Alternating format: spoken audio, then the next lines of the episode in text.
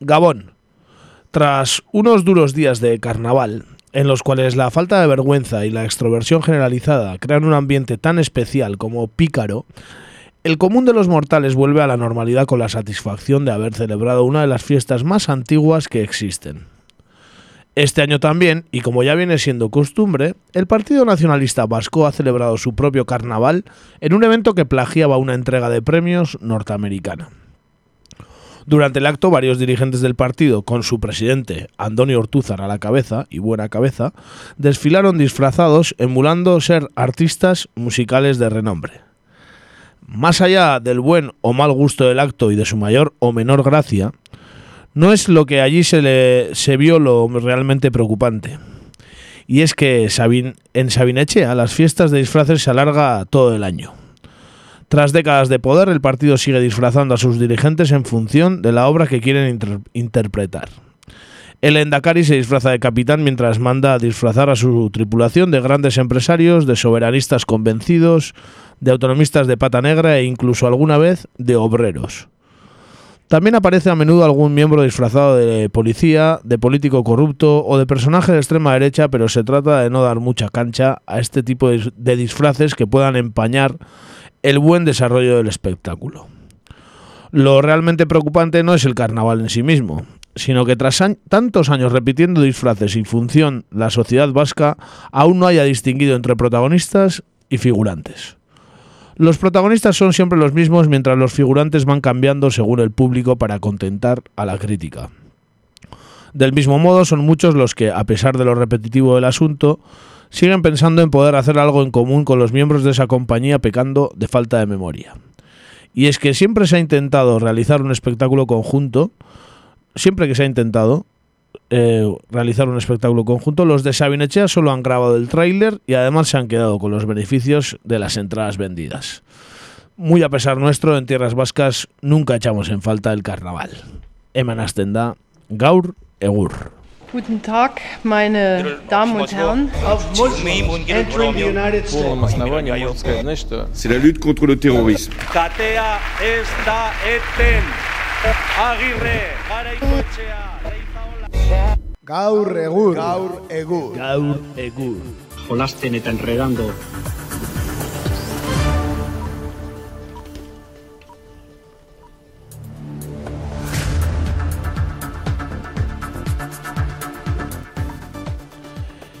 Ongi etorri entzule, karnabaletako, inauterietako ba, atxeden aldiaren ondoren, hemen gaude, berriz ere, astelena da, gaur ere pikin bat berandu hasi gara, bos minutu berandu, arazo tekniko txoren bat, aspaldi ez genuen komentatzen, baina bai hemen diraute arazo teknikoak gure irrati santu honetan, eta ba, besterik ez, hemen gaudela, egurra partitzeko prest, gaur ez duen besteko hotzik egiten, baina bueno, beti datorrando egur pixkat partitzea, ongi etorri. Bai, ni esker bai, gabon guztioi bai hori da, ez beti, ba, reservak eukitza ez da, ez da gezki etortzen. Hirugarren hankare bai hemen, Gabon. eta primizian esango dugu laizter agian laugarren hanka batera izango dugula. Hori da, primizian. Negoziatzen ari gara. Hori da, Eh, negoziatzen Analista gaude. politiko famatu batekin. Hori da, eta, bueno, ba, bakizute ez, gauza guzti horiek negoziatzen, kontratua, eta ez, baldintzan kontua negoziatzen, ez da? Bai, BBC-ekin zeuken e, bost urtekoa eta... a Eta utxiko du, eta klausula pagatu behar dugu, bueno, ba, gure arazotxok. E, hoxe, ez da? bai, aletik eskau diogu dirua eta listo. Hori da. E, bale, ba, hemen txasen da, bertan gaur.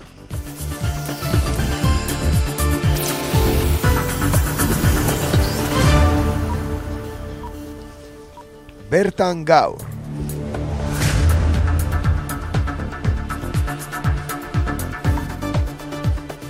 Beno, ba, bertan gaurren zer, ba, aspaldi gogoan geneukan e, gai hau heltzeko, eta, bueno, gaurkoan pixkat honi ekitea otu zaigu, izan ere, ba, joango gara Euskal herrian dauden e, korrupzio kaso desberdinetara, eta ga- gaurko honetan danak arabakoak. E, aitzakin modura, ba, adi elkarteak atera duelako arabako mapa bat, e, ba, ustelkeria kasu desberdinekin, Eta, bueno, ba, aspaldi eh, aipatu izan dugun bezala, ba, bueno, eh, Euskal Herrian eh, korrupzioa ez dela existitzen, edo oasi hori ez, komunidade autonomokoa, Nafarroan, bueno, beste era bate ikusten dira gauzak, ba, Kaja Navarrako kontua haiekatik, markatu, Baina, bueno, EAN ematen du ez dagoela korrupziorik eta badago eta asko. Eta horregatik, ba, pixkat, hori, ustelkeria kasuak eta ekarriko ditugu, eta arabakoak izango dira gaurkoan, eta arabakoetan nagusia, de Miguel hauzia, e, hauzi famatua, Ea, eh, egingo den ustelkeria epaiketarik handiena bai da, eginten ari dena, ja urtarrilan hasi baitzen, eta arabako EAJ-ko buruzagi hoi ugari daude auzipetuta. Fiskaltzak guztira, eunda emeretzi urteko kartela zigorra eskaera egin du, hogeita sei auzipetu entzat. Itxaso atutxa, bizkai buru batzarreko buruak, EAJaren aurkako asmo txarrak salatu zituen de Miguel Auziaz galdetuta egindako adierazpenetan. Ainu alberdi enpresariak, arabako fiskaltzan jarritako salaketa baten arira, abiatu zen hauzia duela sortzi urte. Alfredo de Miguel eta Aitor Teieriak, EAJ-ko buruzagi oiak biak, ustez eun mila euroko komisioa eskatu zioten alberdiri, Minaoko parke teknologikoa zabaltzeko kontratua Urbanorma Consulting enpresari esleitzearen truke. Urtarriaren sortzian hasi eta urriaren hogeita bostera bitarte egingo da epaiketa, naiz eta abenduru arte ere luzatu daitekeen. Orain arte, EAen ustelkeria kasu bati lotuta egin den epaiketarik handiena da de Miguel Auziaren, Auziarena, esan bezala hogeita sei pertsona daude auzipetuta eta eunda berrogeita marre herritar inguruk testifa, testifikatuko dute. Prozesu judiziala amabi plazatan, piezatan manatu dute, kausa ordenatzeko. Pentsa, epaitegia bera ere berritu egingo dute. Aretoan denak sartu daitezen. Eun mila euroko kostua izan du obra honek. Epaitegia ere handitu ibar izan dute, epaiketa hau egiteko ondo azten geha. Hauzipetuen artean, Alfredo de Miguel, tokiko administrazio eta lurralde orekarako arabako diputatua, izan zena dago. Fiskaltzak berogeita mala urteko kartzela zigor eskaera egina du, de Miguel entzat, egozten dizkion hogeita bat delituen gatik. Berarekin batera, itorteieria eta koldo txandiano, araba buru batzarreko kide hoiak ere hauzipetuta daude. Juan Jose Ibarretxeren garaian, gazteria saieko zuzendari izan zena ere, Xavier Sánchez Robles, hauzipetuen aurkian eseriko da. Baita guruz larrainaga, kultura departamentuan miren azkalateren bigarrena izan dakoa ere. 2000 eta beratziko abenduaren abenduan ainoa alberdik egindako salaketa baten arira, 2000 eta marreko martxoan egin zuten polizia operazioarekin abituz, abiatu zen de Miguel kasu hau, alberdiko geita grabazio eta hainbat korreo elektroniko orkestu zituen salaketa egiterakoan. Horren arira azaleratu zen ustezko ustelkeria sarea. 2008ko ustaieko informe batean, Zigoitia eta La Puebla de la Barkako udalek, EAJ zegoen bietan agintean, esleitutako zenbait obra publikoen gatik. De Miguelen sarea komisio eskatu zituela jaso zuten. Komisio horiek ustez aholkularitza lanak egitearen truke jasotzen zituzten. Beno, ba, eskandalagarriak zenbakiak, benetan, e, hogeita bat delitu, e, egun urteko gartzela zigorra, hogeita sei hauzipeturen zat, e, Egun da berrogeita herritar testifikatzeko. Bueno, epaite handitu behar izan dute. Egun mila euro kobra bat egin dute epaiketa egiteko. bueno, eh. Eta, Aka. bueno, ba, guzti honetan e, EAJ-ko ez hain izen ezagunak, baina boterea zutenak batez ere arabako provintzian. Hori da, ez, hori da, ez ezagunak apur bat igual, ba, beste herrialdetan, edo ez komitiba Euskadi buru batzarreko kideak ez direlako, ez, kasu honetan. Baina, baina, bueno, so jende boteretsua, eta eta bueno, lurralde oso bat, ez? EAJaren e, organigramaren lurralde oso bat hartzen duen e, trama bat da hau, ez? Mm -hmm. Da pixkat EAJaren e, arabako gurtela, ez? Esate bateako. Mm Bai, eta baina, e, bueno, aipatu ere, ba, inoa alberdiren adorea, edo ez dakigu be, atzetikan e, baduen e, alderdikide batzuen sostengoa, edo nolatan egin zuen, baina, bino, e, hogeita lau grabazio eta hainbat korreo elektroniko aurkezteak e, paitegietan, e, badu bere balioa. Bai, eta gehiago jakinda horrelako kasuak ateratzen direnean, nolako metodoak erabiltzen diren, ez? Mm -hmm. salatzen duenaren pues, adorearekin akabatzeko, ez? Bai, bai. Ba, hauzi honek, e, hau gaur, gaur hasi da berriro, e, tenaldi bat izan zuen, urtarrilan hasi eta gero, eta gaur berriro ekin diote epaiketari eta badirudi ba hori urta, urriaren hogeita boster arte gutxienez edo agian abendura arte luzatuko dela hasi que baukagu honetaz hitz egiteko tartea izango dugu. Eta ba hontako berria da ba de Miguel Auzian e, guretzat ezagunagoa den e, batek deklaratze deklaratu hartzuen edo deklaratzea deitze deitu zuten abokatu batzuek eta miren azkarate zen miren azkarate sailburua kultura sailburu izandakoa izan ere komisio ilegal asko e, bera kultura e, diputatu ez kultura nola da? Sailburua? Sailburua, sailburua eh? zenean, e, ba, kultura etikan e, hartutako komisio asko ziren, eta orduan bere bigarrena, orduan, e, orduan bere bigarrena zenaren abokatuak, e, bigarrena zen guruz larrainaga, ba, bere abokatuak eskatu zuen miren azkarate e, ere deklaratzea. Baina gaur jakin dugu, ez ez, komisio ilegala kobratzea leporatuta Arabako EAJ-ko goikargu ugari ziprintzen dituen demegil kaso honetan, Miren azkaratek de deklaratu dezala eskatu zuen akusatutako baten abokatuak, esan dugu, e, buruz larrainagaren abokatuak. Garai hartan Eusko Jaurlaritzako kultura sailburua zela eta aipatzen diren kontratuak sail horrei lotuta daudela argudiatuta. Baina Arabako auzitegiko tribunalak ordea, ez du beharrezkotzat jo azkaretek deklaratzea eta orduan ba, guretza behintzat ezagunago egite zitzaigun pertsona bat, ba, behintzat saiestu dute publikoki horrela atera beharra. Ba bai, eh, hori da, salbatu, salbatzen du deklarazioa, ez? Baina, bueno, miren, azkarate libratzen bada ere, egur asko dago, ez? Asunto honen barruan eta saiatuko gara pizkatu orain desgranatzen zeintzuk diren kasuak. Eta, bai, de, eta, de Miguel da kasu nagusia esan dezagun, baina araban daude, bueno, ba, kasu bastante. Eta gara ba ekarri dugu, ba, horrela aurkitu dugolako medioetan, baina, bueno, Nafarroan ere horrelako egin daitezke, Gipuzkoan ere bai batzuk, eta Bizkaian ere badaude. Eta bestela jarraitu dezakezu adibidez ahostar zelai eta sare sozialetan eta eta izan daiteke agian euskal kazetari bakarrenetakoa ba, ustelkeria kasuak ai- aireratzen dituena informazio askorekin. askorekin hori da, froga grafiko askorekin eta dokumentuekin eta bai, dena oso justifikatua e, etortzen da bere informazioetan. Liburuak eta ere idatzi ditu eta bueno, elegoke gaizkin ez bet elkarrizkatatzea ere lortuko bagenu, ba, kasu hau. Kasu, bueno, kasu bastante daudelako ustelkeria kasuak eh, gure herrian ere naiz eta komunikadetatikan bastante estaltzen dizkiguten. Gutxi jasotzen da, desde luego.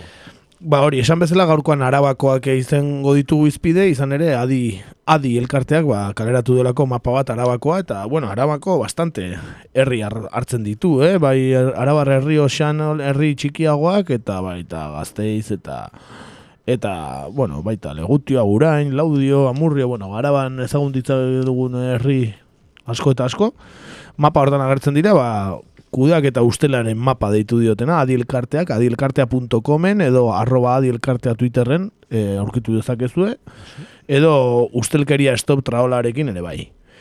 Bueno, ba, lehenengoa, bastante kasu famatua, ba, izan zena bere garaian, Epsilon Euskadi eta Iriko, ez, kasuak, automobilenak eta, ba, giztua goratzen zate, ba, hori auter, aurrera atera etzen e, Formula bateko taldea sortzeko proiektuak, berrogeita 6 milioi euroko galerak utzi zituen funts publikoan, eta iriko auto elektrikoa egiteko proiektuak amalauko mazazpi milioi euro xautu zituen diru laguntza publikoetan. Naiz eta kotxaren proiektua martxan ez jarri. Diru gehiena Espainiako gobernuak eman zuen, PSOEren eta EAJren arteko aurrekontu akordioi jarraituz.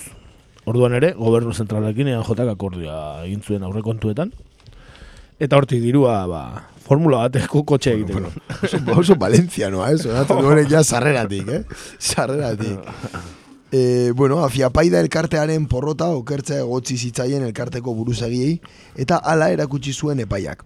Jesus Etxabe enpresa burua, Inigo Antia EAJ-ko zinegotzioia, Jose Luis Bengo Etxea Holben bitxi saltokiko jabea, eta Fernando Atxaerandio egiezin sektoreko sustatzaia zigortu zituen. Salatuta zeuden enpresen artean, soilik zirkuito del norte zigortu zuen, akusatuei lotutako sozietatea. Errudun jo zituen aurren, arren, epaileak ez zituen onartu fiskaltzaren eta estatuko abokatuaren eskaerak, bi akusazio horiek iriko sustatzeko jaso zituzten diru laguntza guztiak bueltatzea exigitzen zuten. Epaile aldiz, administrazio konkurtsalaren tesiarekin bat egin zuen eta administratzaileek egindako kalkuluan oinarritu zuen kalte ekonomikoa eta bueltatu beharreko dirua bosteun da hogeita mila euro izan ziren. Hain zuzen ere, Alfi Paidak Epsilonen auto lasket, lasterketa garako ibilgailu bat erosteko gastatu zuten dirua. Hau da, merkatal auzibideak eman duena orain arte. Iriko auziaren epaiketa penala datozen hilabetetan burutuko da, pertsonaia berberekin aulkian. Hala ere, ez dago porrotaren erantzule politikorik. Ondo entzun dezu, eh? Berrogeita, hemen daukat datua, berrogeita 6 milioi euro gastatu, eta itzuli beharrekoa jakinen eta gero, eta epaileak eh, eman eta gero, bosteun dago eta magoste euro, milioi erdia. Berrota 6 milioi gastatu, milioi erdia itzuli. No, eun aldiz gutxigo. Bai, ondo, ondo, oso. Bueno, proportzio ona. Hori da, ez? Hola, baitxukundoa zu. Bueno, ez da 3%, ez? Ez da iristen. Eh, ez, ez da 3%. Baina hemen al revés da. Ez da da, 3%, baina itzuli barrekoa. Ez da da, 3%. Uno bat percent. da, eh? Bai. Ah. Jarraitzen du, guazen orain eh, pesoeren egoitzekin. Eh? Horta goaz, eh, ustelkeria ez da gazte izen bakarrik geratzen, bai? Agurain, Bastida, La Guardia, Laudio eta Riba Beiosako pesoeren egoitzetan diru publikoz ordaindutako obretako gainkostuak edo burutu ez diren lanak kobratzea ikertu zuen arabako fiskaltzak salaketa anonimo baten ondorioz. Azkenean, 2006an, kasua artxibatzea erabaki zuen Euskal Autonomia Erkidegoko Justizia Auzitegi Nagusiak. Froga nahikorik etzegoelako fakturatu ziren obrak egin etzirarera. Naiz eta artxibatzeko agindu horretan, epaiak onartu fakturak obrak egin aurretik ordaindu zitzaizkiola eraikuntza enpresa zehatz bat. Eta zein zen eh, eraikuntza enpresa hori, ba, pesoren egoitzak berri- berritzeko era, erabili zen, ba, eraikuntza enpresa, tratatatatan, ba, bai, ardura nagusitakoa zen, Charlie Prieto, eta bere eraikuntza enpresa, eskoiba. Eta zein da Prieto? Ba, Prieto arabako pesoeko idazkari nagusia izan zen, 2005 eta 2004 bitartean. Gazteizko alkate izan dakoa, izan dako Patxiz Laskoz, sozialista fiskaltzarekin kolaboratzeko presta agertu zen orduan. Eta, e, bueno, epaiketa egon zen, baina etzen argi geratu, e, epai, e, bueno, zertan gastatu zen dirua, baina pesoren egoitzak berritu, eta zein, zein berrituko ditu. Ba, Charlik, ez? Ba, Charlie, llama Charlie. eta, ba, hori, idazkari nagusia izana behatzi urtean, ba, venga, beretzat, lana. Jo, en fin. Eh, bien, jarraitzen dugu, guazen beste, eh? beste, beste vuelta bat ematea. Eh, jurreko deposito kasua aztertzen dugu orain. Kasu ez ezagunetarikoa da hau, bai, baina PP eta Gazteizko udala zipristinten ditu ustelkeria kasu honek. Gazteizko iurre, kontzejuko ekaitz biltegiak, sortzi milioi euroko inbertsio publikoa izan zuen. Alfonso Alonsoren legegintzaldian bultzatuta. Espainiako sare elektrikoak ilegala zela ohartarazi zuen arren, goitentzioko linea azpian dago, hau eraikitzen jarraitu zuen, ohartarazpenei jaramonik egin gabe. Oraindik ere, depositu honi etzaio inoiz erabilerarik eman, ilegala izateaz gain, teknikoki ez dago eraikita. Are gehiago, ura bildu ezin duen deposito bada. Orduan, sortzi milioi euro gaztau, ba, ekaitzaldietarako eta gaur gordetzeko, ba, ez, ba, elurrak entzeko makinak, eta abar, eta abar. E, non eta sare elektrikoaren azpian, eta ilegala zen hori, e, sortzi milioi euro gastatu, eta, bueno, ez dago martxan. Ondo, Ondo, ondo, ondo, ondo, ondo, ondo estudiatutako, eh, lana, ondo, ikerketa sakonak egin, hasi aurretik, eta hori dana, eh. Efizientzian, desde luego, hemen ez dakau parekorik, eh? Bai.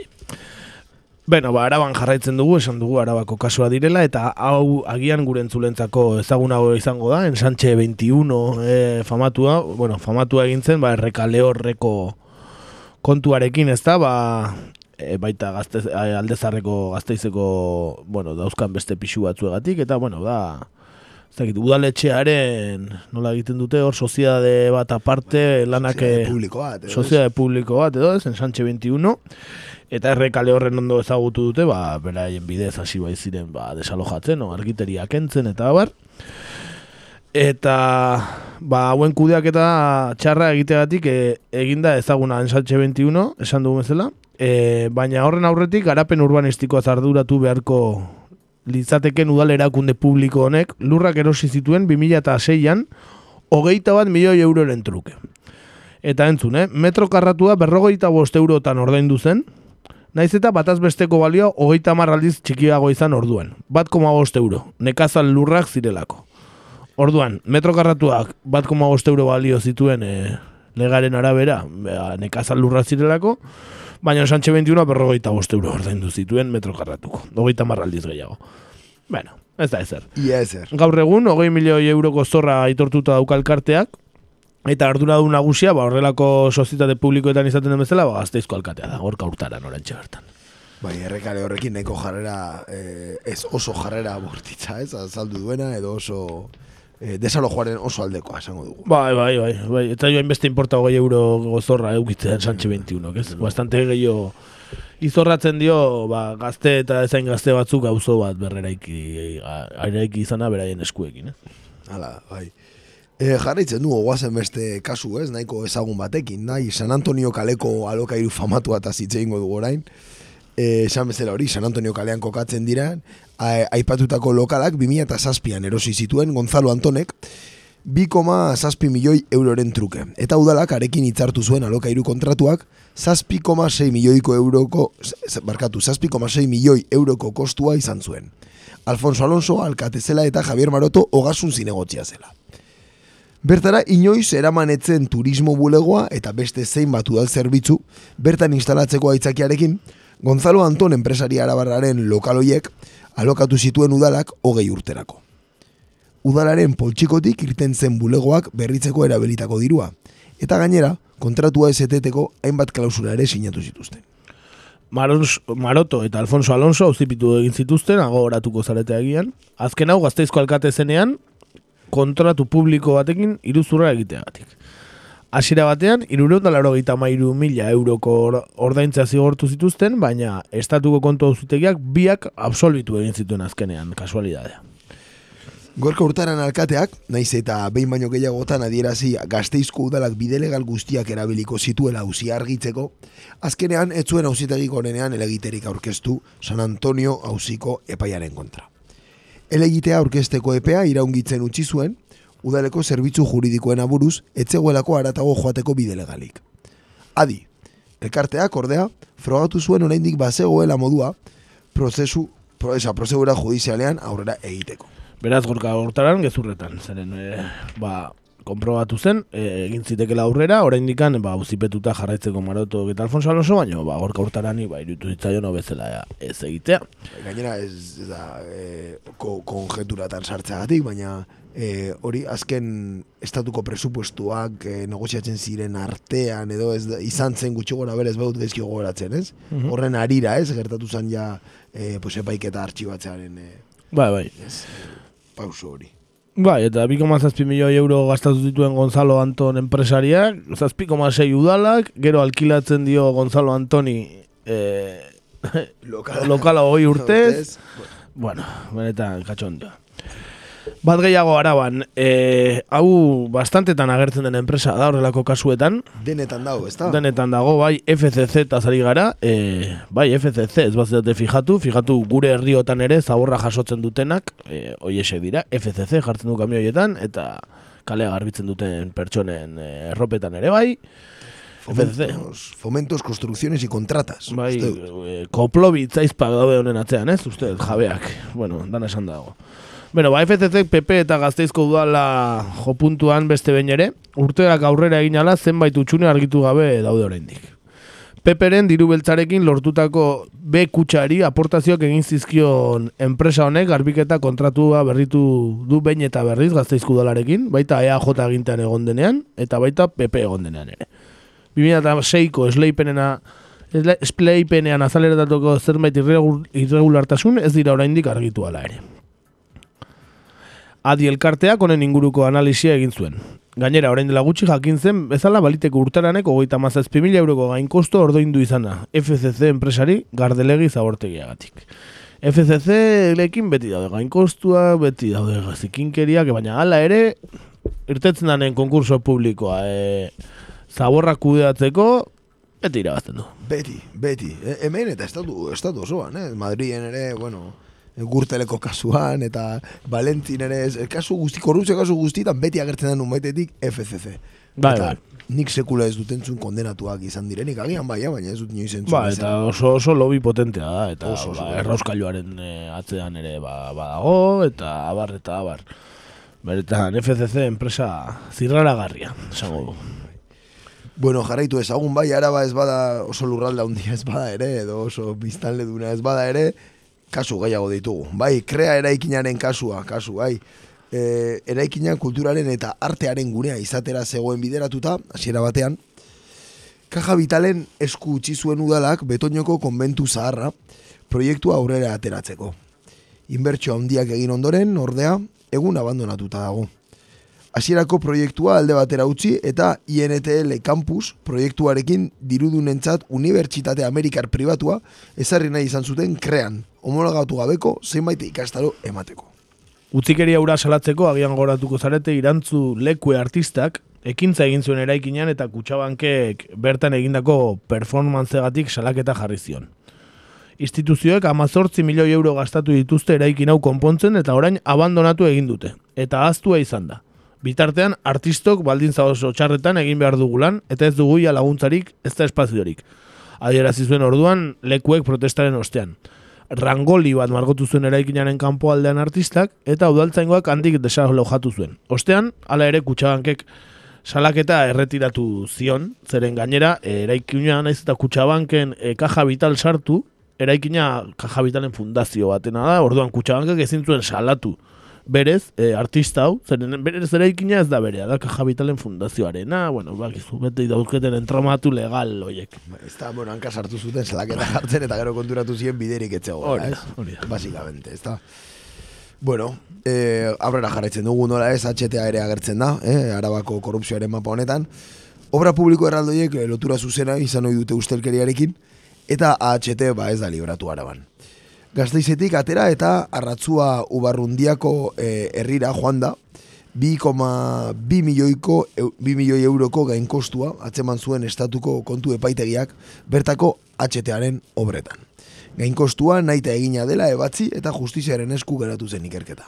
Bueno, HT-an, ba, gain kostu asko ditugu bide guztian, ba, araban adibidez hau, eh? Arrantzua da ubar, ubarrundia arteko, ba, hori bide horretan, ba, 2,2 milioi euroko gain kostua. Bueno, bat gehiago HT-a aipatu ditugunetan. Bai, zerrendana gehitzen dana. Eta aipatu ditugun beste bat, ba, hau araban ere badago, gaurkan arabazari garelako, baina, bueno, gipuzkoan ere ezagutzen dugu, ez? Suapak, suap, eh, bueno, hor dauden finantza, finantza produktuak edo, ez? Ba, errauskailuagatik ere ezagunak egin zirenak, ba, gero bilduko gobernuak atzera bota zuenean errauskailua, ba, suapari ez dakit berrogeita piko milio, milioi euro pagatu behar zitzaizkion. pagatu behar zaizkion, ez egiteagatik. Da, hori klausula batzan, eh? Bai, bai, klausula, ez egiteagatik berrogeita piko milio. Iteagatik asko, baina ez iteagatik ere asko. Bai, hori da. Eixe. bueno, ba, suapak hori dira eta araban ere gertatu da. E, 8,8 milioi euro galdu zituen e, arabako aldundiak obra publikoetan suap edo arriskudun finantza produktu hauengatik. Javier de Andrés popularrak kontratatu zuen lehena 2006 garren urtean, baina ea joketak ere beste lau kontratatu zituen 2010an eta 2012an PPek beste bat kontratatu zuen. 2012 garren urterako jakina zen produktu finantzero hori kaltegarria zela, zeharo, e, garestitzen zuelako inbertsioa. Eta hala ere, kontratatu egin zen. Beraz, bakigu txarra dela eta garestea baino, hala ere erosi, ba, hartuko dugu. Ai, deneko hartzen dute, eh? oso produktu arriskutsua da, ba, ez dago bat ere gomendatuta, baina bueno, hartu egingo dugu, ez? Azpare, noletan gure dirua, ez da, bakarritan ona. Akaso inork ez du interesik eukiko, klaro, Bai. sorpetan diru eskatzen, ez? Bueno, Bueno. en fin.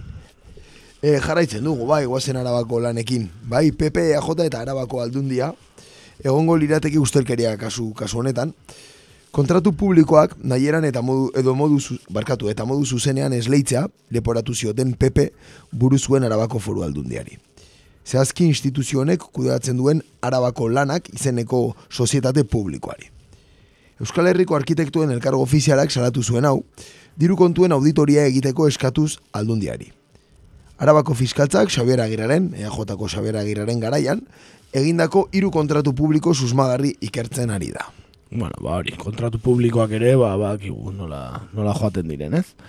E, azkena bat aipatzearen, e, ba, AP bat autopista, eta hau mantentzeko arabako aldundiak bidelan enpresarekin sinaturiko kontratua preberikazio eta funts publikoen bidegabeko erabilera salatu zituen EH Bilduk eta tramitera onartu zuen arabako fiskaltzak. Lan beragatik bi aldiz ordaintzea eta hiru milioi euroko gainkostua bere gainartzea ekarri du kontratuak. Bi aldiz, lanak bi aldiz ordainduta. Afera azal, azaleratu eta salatu ostean kontratuari uko egin zion gainera bidelan enpresak. Bueno, Completo.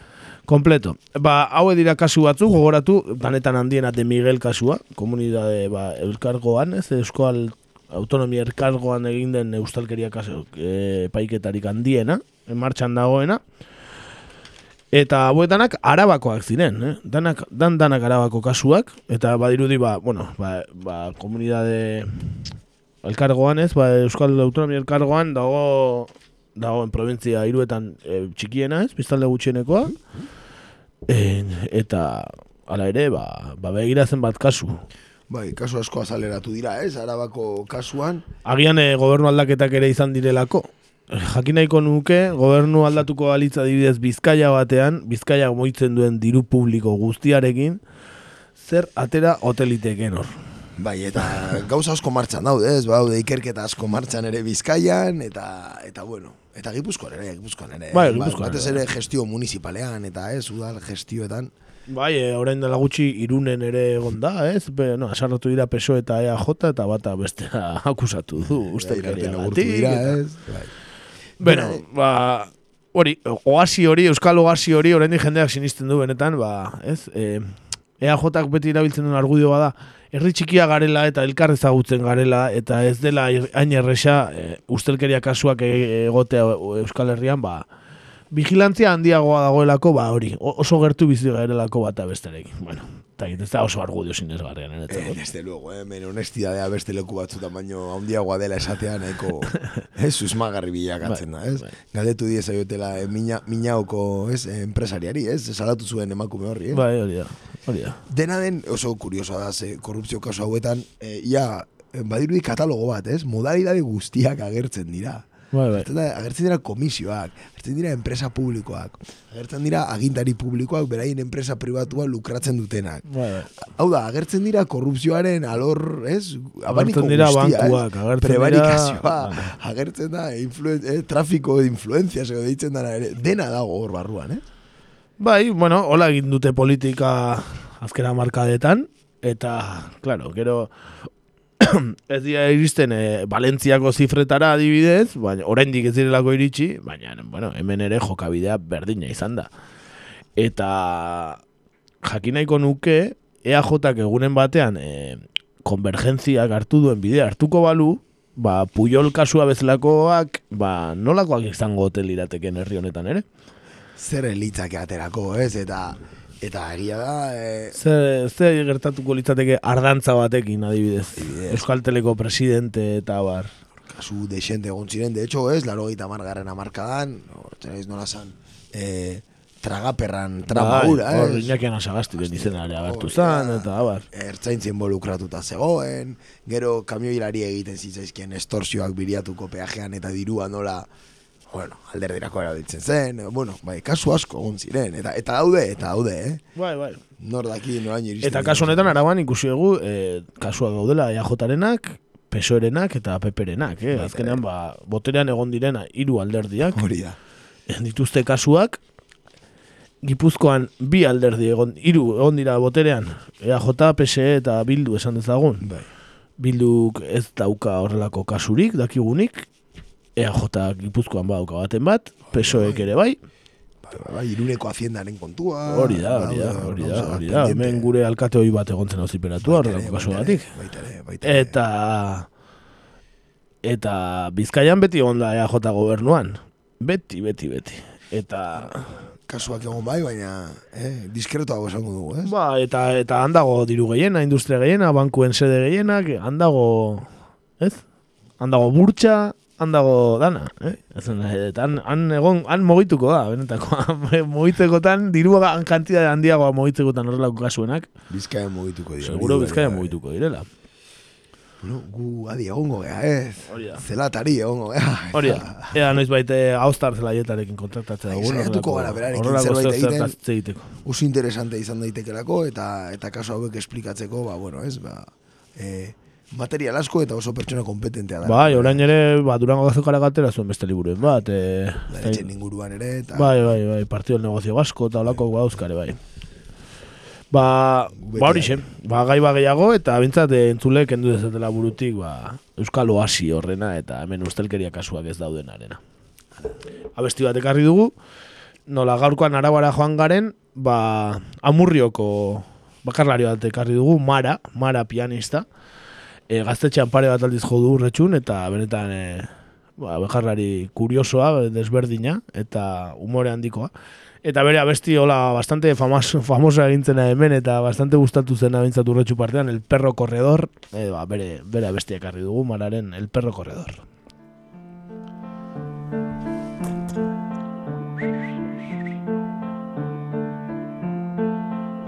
El corredor es un perro que ama por instinto perseguir la caza. Es un perro muy veloz que posee además un olfato y una agudeza visual excepcional. Excepcional.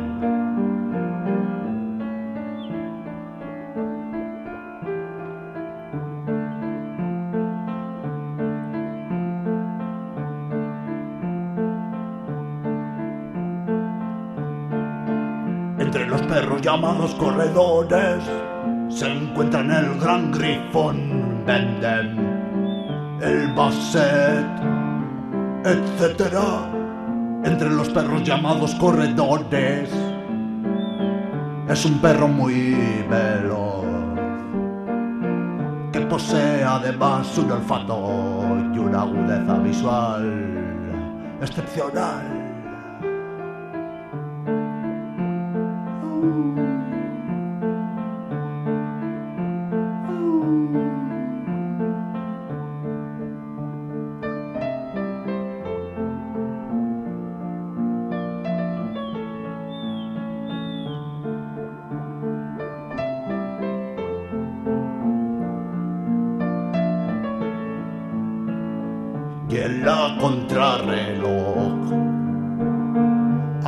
Ganado el mayor.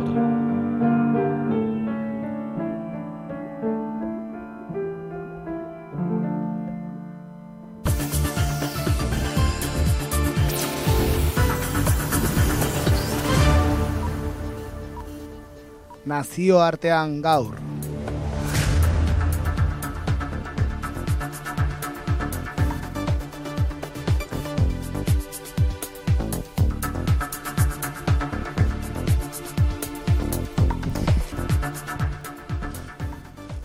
Pues ahí vamos con la sección internacional, ¿eh? como, como todos los lunes. Y hoy pues nos vamos de nuevo hasta, hasta el imperio. ¿eh? Vamos a ver, A la mayor democracia mundial. eso es, a- ¿eh? al, al primerísimo mundo del primer mundo, ¿no? Ahí vamos. En nuestra sección internacional nos vamos hasta Estados Unidos y nos vamos para destapar una, una realidad que, que en los medios de comunicación ha aparecido en muy pocas ocasiones, ¿vale? Es algo endémico en Estados Unidos. El caso es que según un informe reciente, en las últimas cuatro décadas, alrededor de 600.000 menores y adolescentes han muerto en Estados Unidos por alguna razón que el resto de países desarrollados han logrado evitar. 600.000 menores y adolescentes muertos. Vamos a analizar cómo esto ha podido suceder ¿eh? en el país más poderoso del mundo y cuáles son las razones.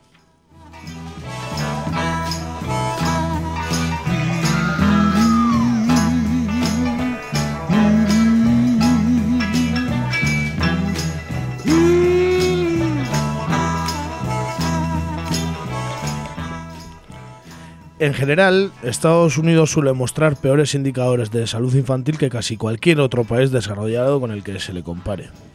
Sí, en 2013 el Centro de Estudios de UNICEF en Florencia publicó un demoledor análisis del bienestar infantil en países desarrollados. Se examinaron diferentes parámetros, desde los índices de, obesi- de obesidad hasta el desempeño educativo, pasando por la seguridad habitacional o la exposición a factores de riesgo como la violencia. Estados Unidos quedó en el puesto 26 de 29. Así es, 26 de 29. Los estudios realizados año tras año eh, ponen de relieve datos similares.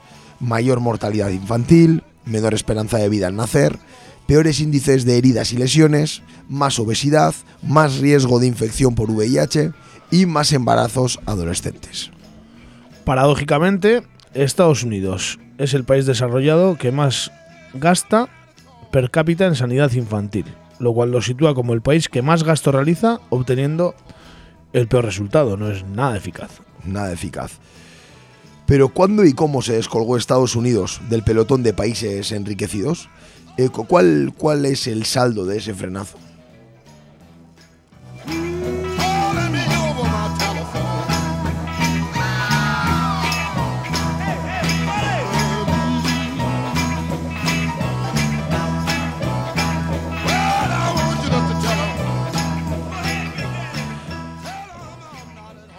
Pues, ¿cuáles son las razones? Pues según Alessandra D. Forrest, de la Universidad de Medicina de Drexel en Filadelfia, a pesar del mayor gasto en salud infantil, las persistentes tasas de pobreza, los pobres logros educativos y la frágil red de seguridad social han convertido a Estados Unidos en la más peligrosa de las naciones ricas para nacer.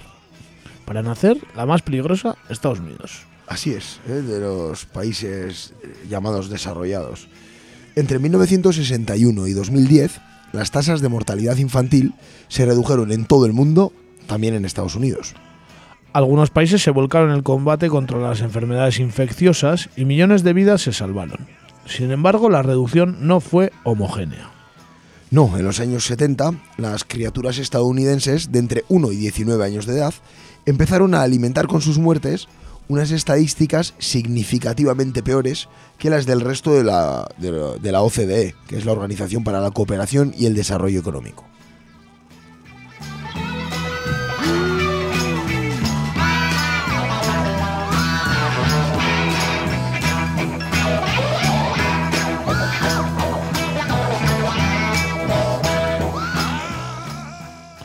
En la década siguiente, las cifras empeoraron también para bebés de menos de un año.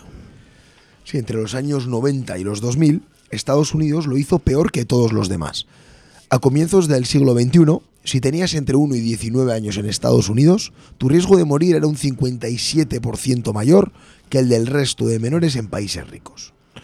La cosa empeoraba aún más para los mayores de un año, un 76% más de riesgo de morir que el de cualquier bebé de la OCDE.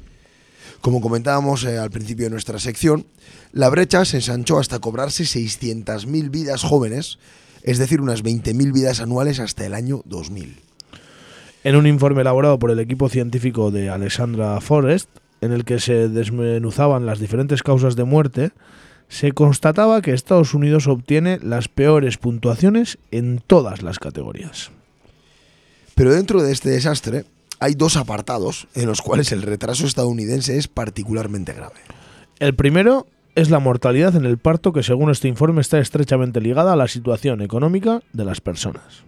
Sí, las complicaciones perinatales, eh, inmadurez, lesiones durante el parto o asfixia después del parto, las enfermedades hemolíticas, los trastornos de la madre que afectaron al feto o al bebé y la malnutrición fetal fueron las principales causas de mortalidad infantil en los entornos más humildes.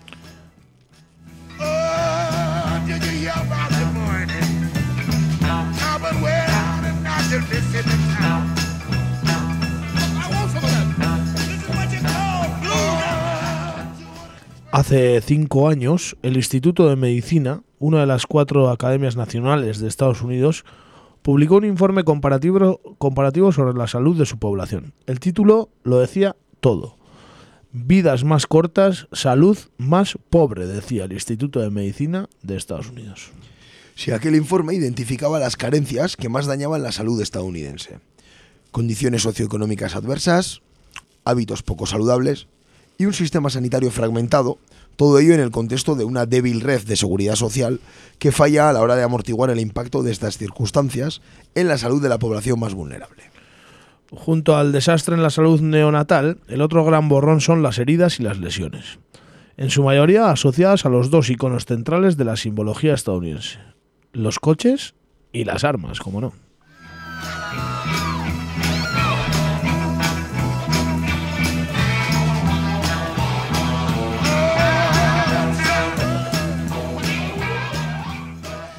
En lo que se refiere a seguridad vial, Estados Unidos no logra acercarse al resto de los países de la OCDE. Durante la primera década del siglo XXI, Estados Unidos redujo un 23% la cifra de muertes en carretera, mientras el resto de países desarrollados logró reducciones de entre el 26 y el 64%. ¿Qué decir de los datos que hacen referencia a las muertes por armas de fuego? Cada año mueren 1.300 menores de entre 0 y 17 años y más de 5.700 sufren heridas a causa de las armas de fuego. Espeluznante. Sí, al loro con, esta, con este dato. Esto supone que las muertes de menores por armas de fuego en Estados Unidos son 82 veces, 82 veces superiores que en el resto de países de la OCDE.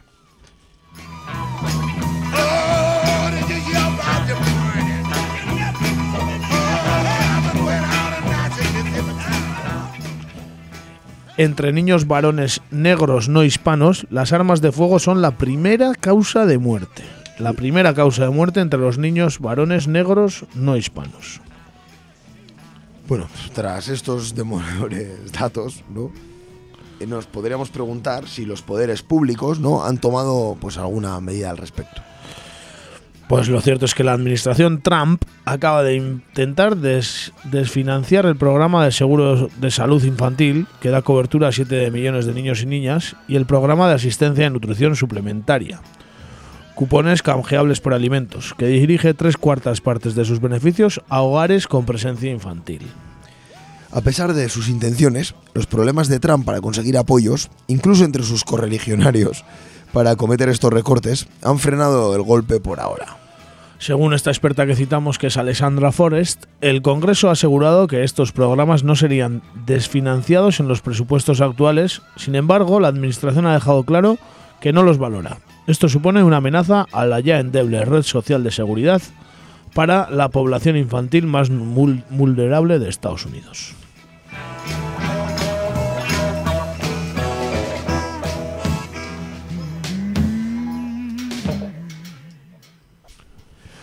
Bueno, pues ahí es nada, ¿no? Sí, de primeras, bueno, pues lo de siempre, que la propaganda mediática nos vende que es un país súper avanzado, que el capitalismo es muy bueno y que, ¿no? Que al final, si tú te lo trabajas, ¿no? El sueño americano, tú vas a vivir estupendamente bien. Bueno, pues la realidad es totalmente diferente a lo que nos cuentan y las tasas de pobreza son muy grandes y en esas tasas de pobreza, pues una de los datos más significativos es la de la mortalidad infantil. Pues sí, efectivamente. Y la- bueno, los índices de mortalidad infantil, de mortalidad en el parto, suelen ser bastante significativos o bastante, vamos a decir, eh, eh, reveladores, ¿no? De, de, de cómo, de qué país, de qué tipo de país estamos hablando, ¿no? Estados Unidos es un país donde la seguridad social casi es inexistente y donde hay un tercio de la población, eh, un tercio de los enfermos, que no se trata por problemas económicos. Más del 30%. El famoso eh, seguro de, de salud, ¿no? El segu- eh, que al final solo tienen asistencia sanitaria los que pagan, ¿no? Es, es el bueno, es el, el mayor país capitalista del mundo y en eso también, ¿no? Porque el capitalismo también rige en la sanidad, ¿no? Sin ninguna duda, es uno de los derechos fundamentales más básicos, por no decir, eh, vamos, eh, Sí, sí. debido a muerte, vamos a decir, ¿no? Eh, eso por un lado. Por otra parte, está claro que los poderes públicos no están interesados en que este sistema cambie por los intereses y por los lobbies que existen, ¿no? Por las farmacéuticas, por todo el negocio eh, sanitario que existe en Estados Unidos, que es una industria al fin y al cabo, ¿no? La sanidad en Estados Unidos es, es una industria más. ¿no? Sí, claro, tienen los mejores hospitales. Para los que los puedan pagar, los mejores hospitales. Efectivamente, efectivamente. Pero claro, una gran parte de su propia población no puede pagar esos, eh, esos médicos. Y todo esto sin tener en cuenta, supongo, a todos los eh, niños de inmigrantes ilegales, sin papeles y demás. Claro, claro, estamos hablando de personas registradas legalmente en Estados Unidos, lo cual eh, obviamente se incrementa en gran medida si incluimos a los inmigrantes ilegales, ¿no? Eh, que además son normalmente, eh, normalmente no siempre, de las capas más humildes de la sociedad, que son las que Sí, claro. Y también, eh, seguro, no hemos dado las estadísticas, pero estoy seguro de que de que eso, todos esos niños eh, que mueren al nacer o bueno en, en edades infantiles, estoy muy seguro de que las tasas de, de, los colores de la piel, vamos a decirlo, de decirlo de alguna manera, bueno, serán disparados. Serán seguro que se disparan los de color negro, los hispanos, ¿no? Pues siempre los más pobres. por supuesto, las, las personas más estigmatizadas o más marginalizadas. Eh, para haceros una idea, mira, hemos traído unos, unos datos, unos datos que comparan eh, datos entre Estados Unidos y Cuba. Es un país supuestamente del tercer mundo. Siempre le gana. Con un bloqueo en estos económico. datos siempre le gana. con- Hombre, en sanidad está claro, ¿no? Que la sanidad cubana, bueno, es famosa en el mundo también, ¿no? Sin duda, eh, vamos a dar unos datos para que os hagáis una idea. Estados Unidos es el país industrializado del mundo con la menor protección sanitaria. ¿eh? La protección sanitaria solo llega al 27,4% de toda la población. El resto está desatendida sanitariamente. La mortalidad, por ejemplo, la mortalidad infantil en Estados Unidos es de 6,7 por cada mil nacidos vivos. ¿De acuerdo? En, para que os hagáis una idea, en Reino Unido es el 4,8. En Cuba es el 4,2. Y en Suecia el 2,5.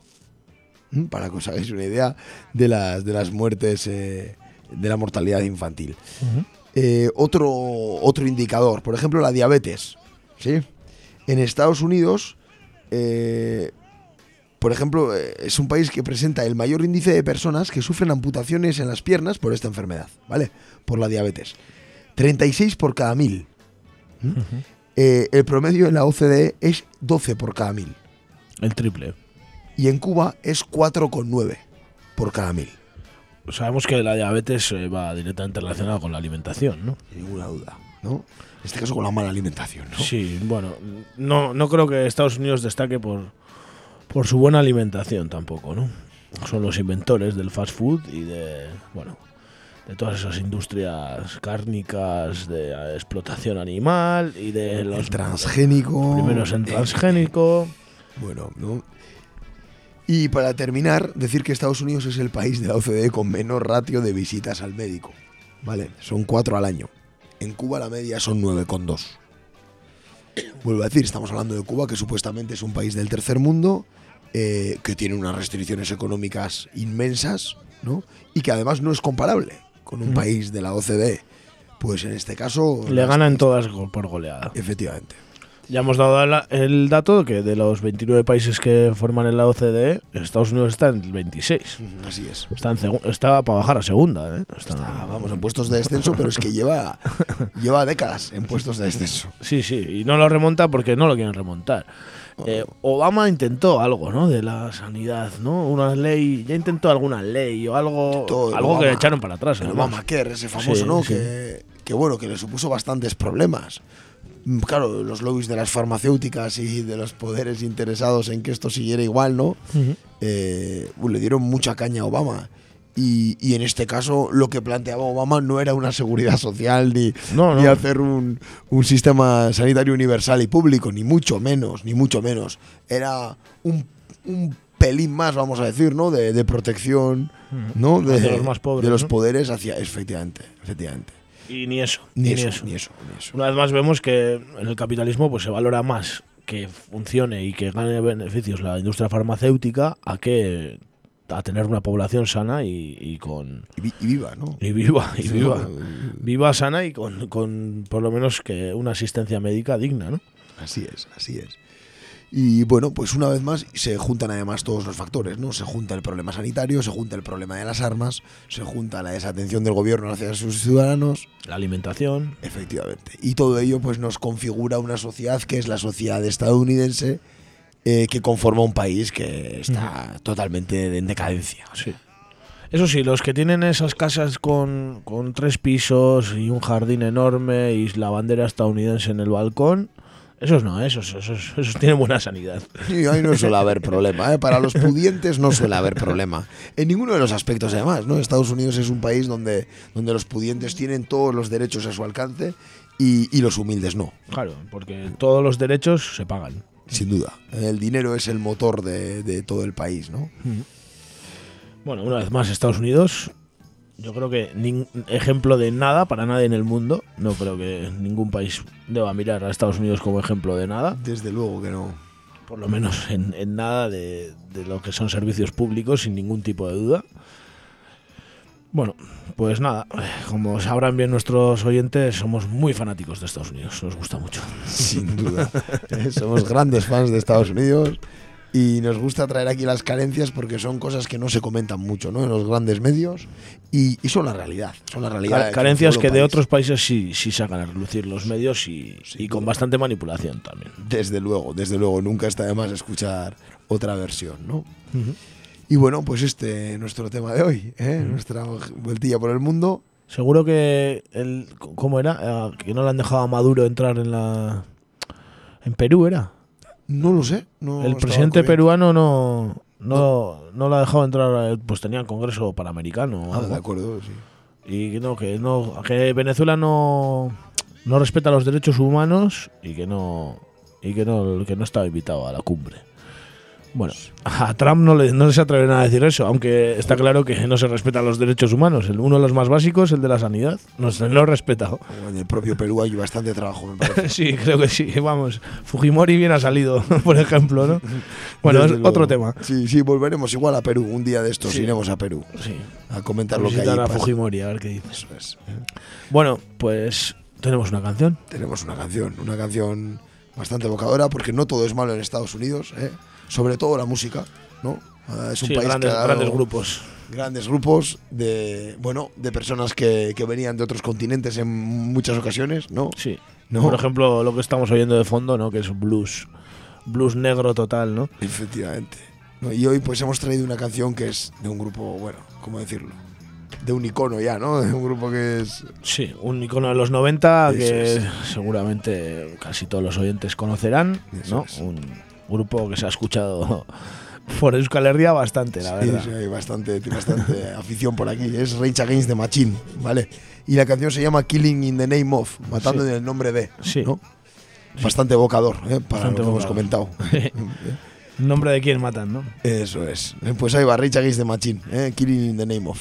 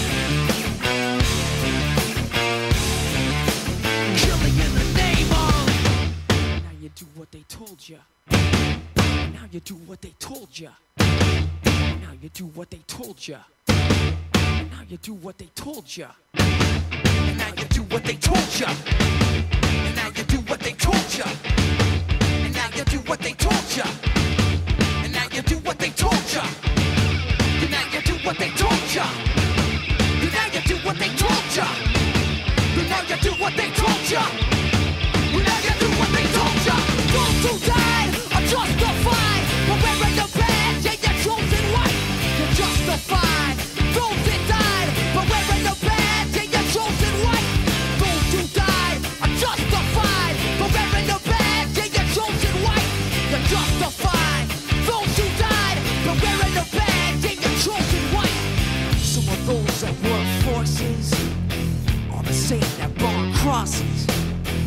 Some of those that work forces are the same that burn crosses. Some of those that work forces are the same that burn crosses. Some of those that work forces are the same that burn crosses.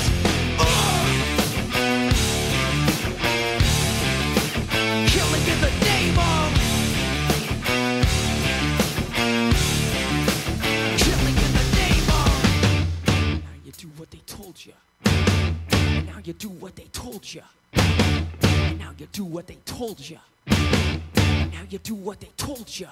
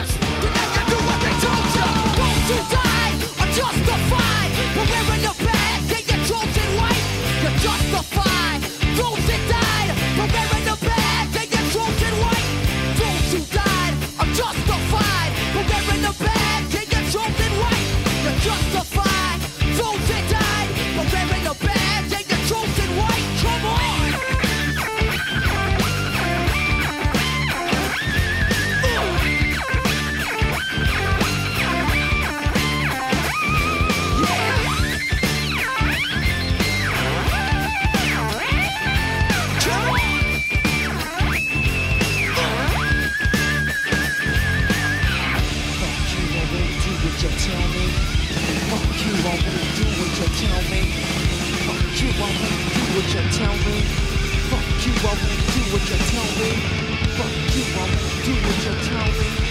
Fuck you, I won't do what you tell me. Fuck you, I won't do what you tell me. Fuck you, I won't do what you tell me. Fuck you, I won't do what you tell me. Fuck you, I won't do what you tell me. Fuck you, I won't do what you tell me. Fuck you, I won't do what you tell me. Fuck you, I won't do what you tell me. Fuck you, I won't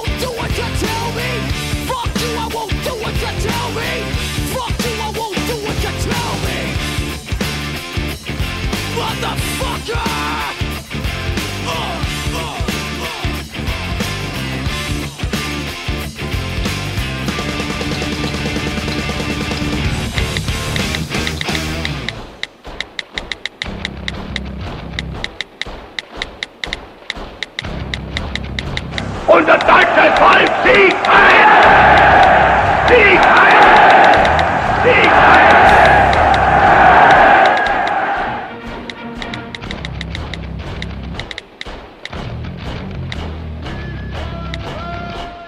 Badatoz SSA.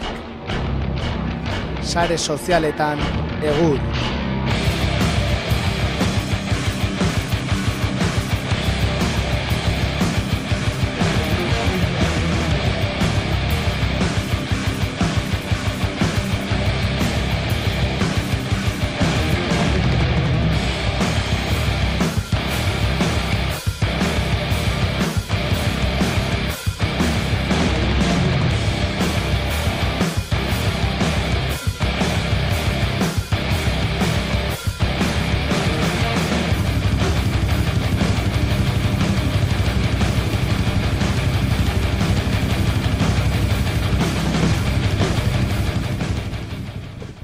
Bueno, hemen txesare sozialak teknikoa siestan zegoen, eta eskarak esnatu dugun. Ne munduan sartuta nengoen, bai. Zer esatek, a ber, Ba, zer, bueno. sare soziala zer. SSA. Ba, eh, hasierako editorialari ba, errepareso ingo diogu, ez? Eta nundik nora joan den, ba, zergatik joan den, ba, editorial hori, ba, ba, ekarri dugu, ez? Inauteriak, ez? Hori da. Bai. Aurrea, karnavala. La vida, es, Inauteriak, la vida es un carnaval. Eta Andoni Hortuzar, The Boss. De bos, ez? The Boss, Bruce Springsteen. Eh? Bruce Springsteen berbera, Andoni Hortuzar, eh? Bueno, eta, Kalarri, ba, Kalarri, eh? bertan izan ginen, ba, show horretan gonbidatuak izan ginen, eta, ba, bueno, audio batzuk lortu ditugu, eta ni uste, ba, onena entzutea dela, porque esplikatzea benetan zaila da. Ni kriston festa gotan. Eh? Zaila da, esplikatzea zer gertatu zen, Sabinetxean, ba, ze festa. Ze ondi bide ginen, eh? Gaina etzan oso garesti zertien, amala bama bost euro eh, kombinatu bakoitza oso. Ba, euro, zegoen. bai, zerbeza bost euro, oso. Ondo, prezio, ondo, super ondo. ondo. Baina Andonik pauzi un ronda bat. Bai, ez tira uzan, bai, bai, bai, bai, bai. Ez nik Pikatzeko endoka- ere Hortuzarren gaztaia zeon. Bai, gero esan beste, itxaso atutxa zan, zin zan? Ba, itxaso, itxaso. Bai, rollo, ba, ez da pagan los diriko, venga, ba, toda la peña. Bai, Eta bai. egin un txupito batzuk, eta ondo, ondo. Ah, formula bateko kotxa sartu zuten, no? Hori da, Sabinetxeara. bai. Ba, Espektakulo total. Bueno, beste, gabe, umeak balima daude hau entzuten mesez, eh, komune juteko momentua, da, vale? Bueno, uda, uda urruti dago, baina hemen datoz, el, el hit del verano. Ahí va. Artean abesti bat egingo digute hause izan da gure sari banaketa eta ezaztu Euskal Herria aurrera doala God Save Euskal Herria Biba zuek! Eutxi hor, Gabon, mi esker!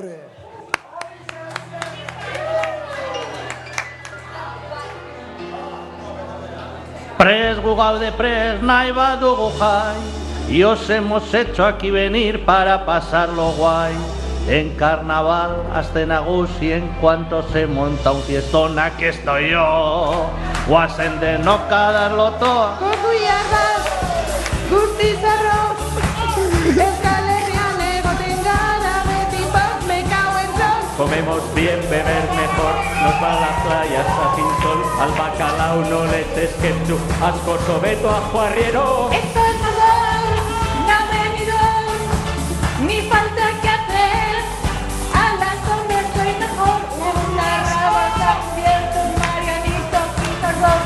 Y te has quedado con hambre, restaurante de muy cheto. Euskadi Bai, los MTV, el cine Balbi, saltos del Bulbe de Calais. Hasta un termine morir, y a la capital Madrid, Euskadi bai, Euskadi bai. Fueron del todo, Euskadi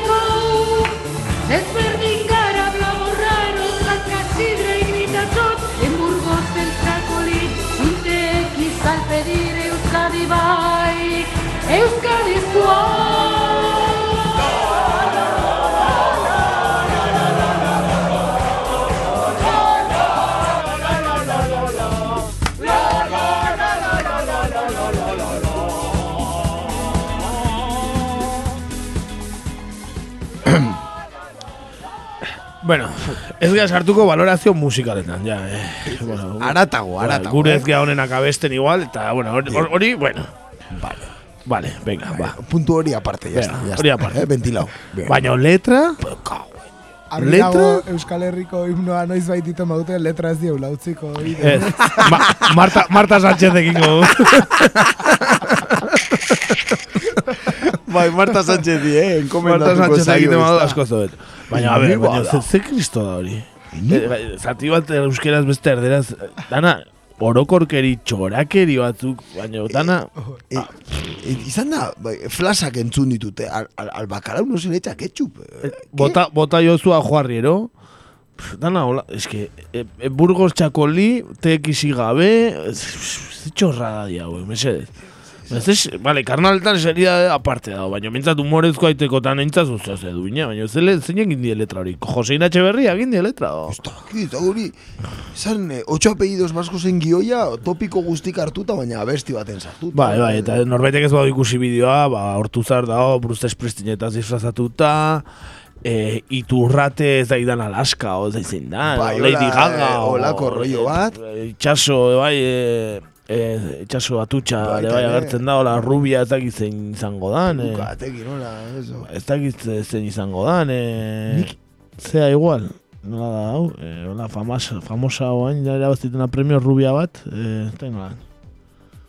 Ez dakit, ez jarraitzen eh, musika tipo hori, ez bate jarraitzen, baina... Bai, bai, bai, ora, jende ospetsutaz ez, bezala ez, Bai, bai, bai. eta hola, entrega, premio entrega. Bai, bai, eta zan MTV, claro, MTV Bilbora datorrela, gaina, claro, aitzakitzat hartuta MTVren gala, Europako MTVren gala, Bilbon izan bar dala 2018, Bai.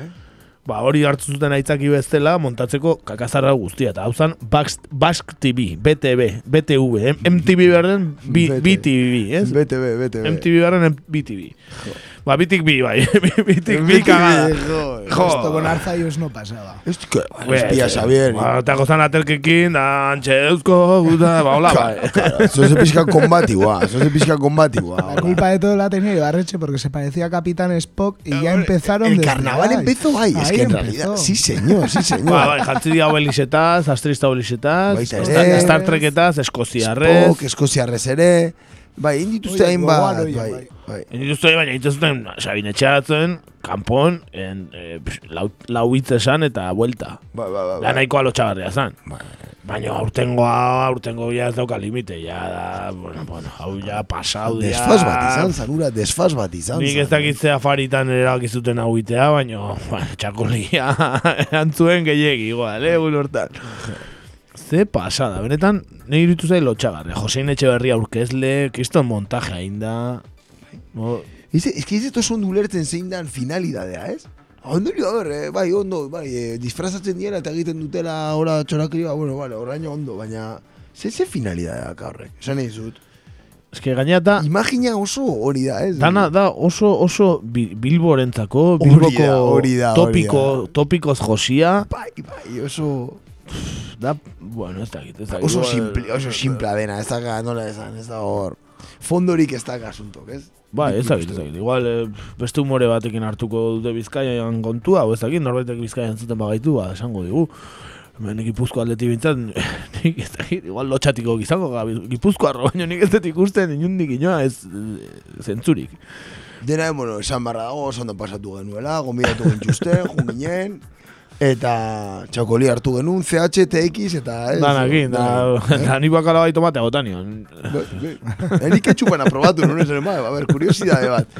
Ez, ajuarriero beto da, eh? Bai, arrazoia du asko, asko, asko zobeto baino.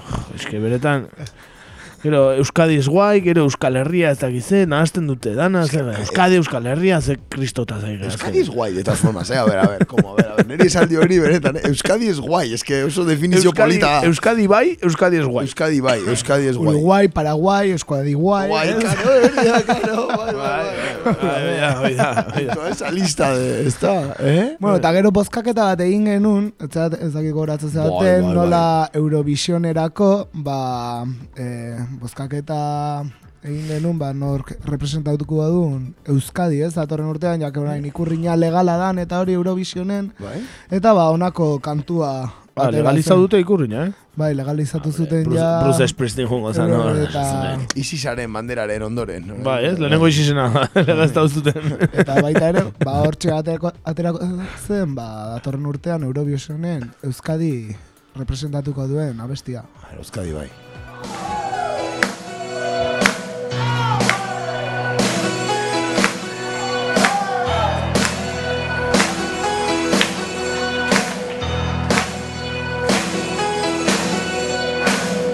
Nacido en San Fuentes Town, la zona minera, mi carisma forjado.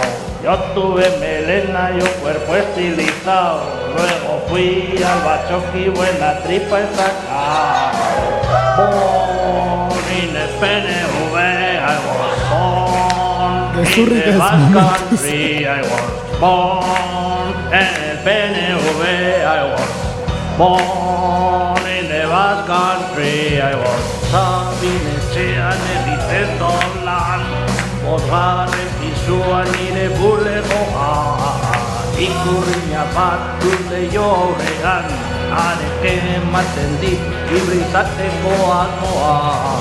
Born in the PNV, I was born in the Basque Country, I was born en el PNV, born in the Basque Country, I was la bala no se me da mal, arreglar los marrones me suele tocar. Con Arnaldo Alfonso Landereiro ya un nuevo gobierno quiero yo pactar. Born in the PNV, I was born in the Basque Country, I was born PNV, I was born in the Basque Country, I was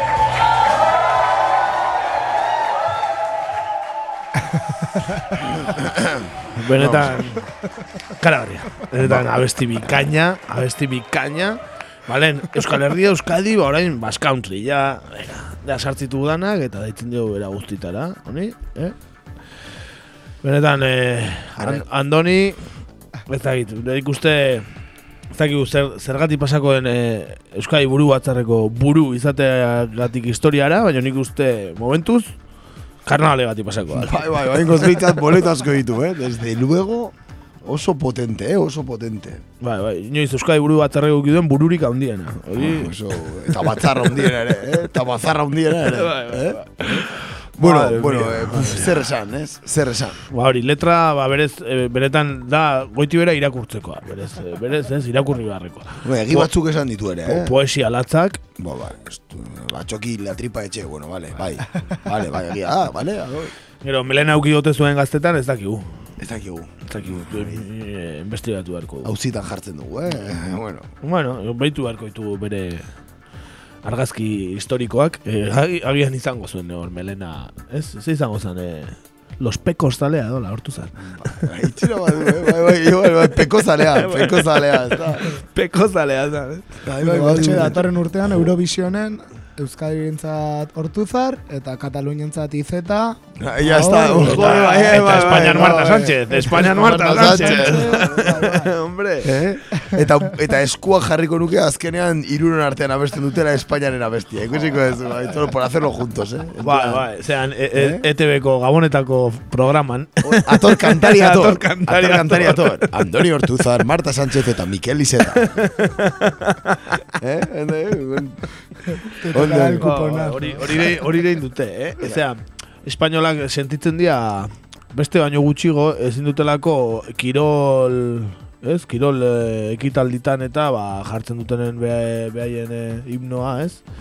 Ba, ezin dutelako abestu, ez? Ba, beti dauki enbidia frantsesena nola abesten duen Marsellesa hor ondo eta, eh? Gogotxuta. Bueno, ba, uste baute errespetagarriago izango dela abesten Marta Sánchezek egindako letra bat. Eh, lana badakate. badakate lana, badakate lana, ikaragarri. Horta- Hortan pasako igual, Marta Sánchez eh, hortan pasako historia ere igual, ez? Bo, ba, egon zan, ez, nola izan zan, egon zan fregata baten, hor, ez, eh, abesten. Ah, bai, ze Marilyn Iraken, Monroe. Iraken egon zan, bai, bai, Espainiako Iraken. Marilyn egon zan. Monroe. Bai, bai, bai, bai. Iraken egon zan fregata baten uste eta abesten. Gero zea bestu zion, Aznarri Happy, Per- happy Birthday, Mr. Segura, President. seguramente, intimidaen, intimidaen, bai, bai, seguramente. Bai, bai, bai. Eta bueno, ba, ba hoxe, ez da. Bueno, Ba. benetan, eh, urrengo inauterietarako zeo zer- eh, planteatu beharko zaio, eh? Euskai buru batzarrari zeo zer, eh? Piskat, buelta bat gehiago ematea igual, eh? Oen dio ez dute nahikoa hain ridikulua, urrengoan ez dakitzen dezaketen. Ja, paso hontan, de Miguel auzi, auziarekin igual Dalton ataz, eh? Disfrazatuko di horren urte. Dalton anaiak, Bai, bai, Dalton anaiak. Luki Luke. Bai, bai, eta Luki Luke, eta Luki Luke, hoixe bera. eta rapatu ez duenan entzat, ba, eh? eh, horre. Ba, etorri da dia aurretik. Hori da, ba, ez da. Bueno, en fin, ba, hoixe bera, eh?